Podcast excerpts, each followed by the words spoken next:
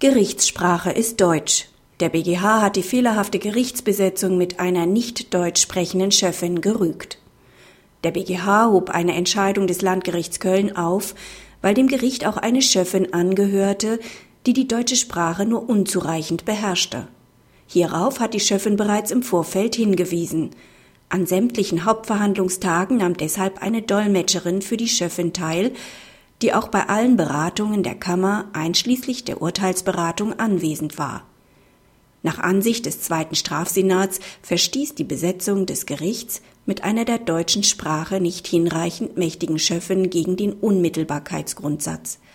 Dieser verlangt, dass die Mitglieder des Gerichts auch ohne Zuhilfenahme von Dolmetschern das Prozessgeschehen verfolgen und sich mit den anderen Verfahrensbeteiligten verständigen können – Dafür spricht auch, dass nach dem seit 30.07.2010 geltenden Paragraphen 33 Nummer 5 GVG nun auch solche Personen für das Schöffenamt ungeeignet sind, die die deutsche Sprache nicht ausreichend beherrschen.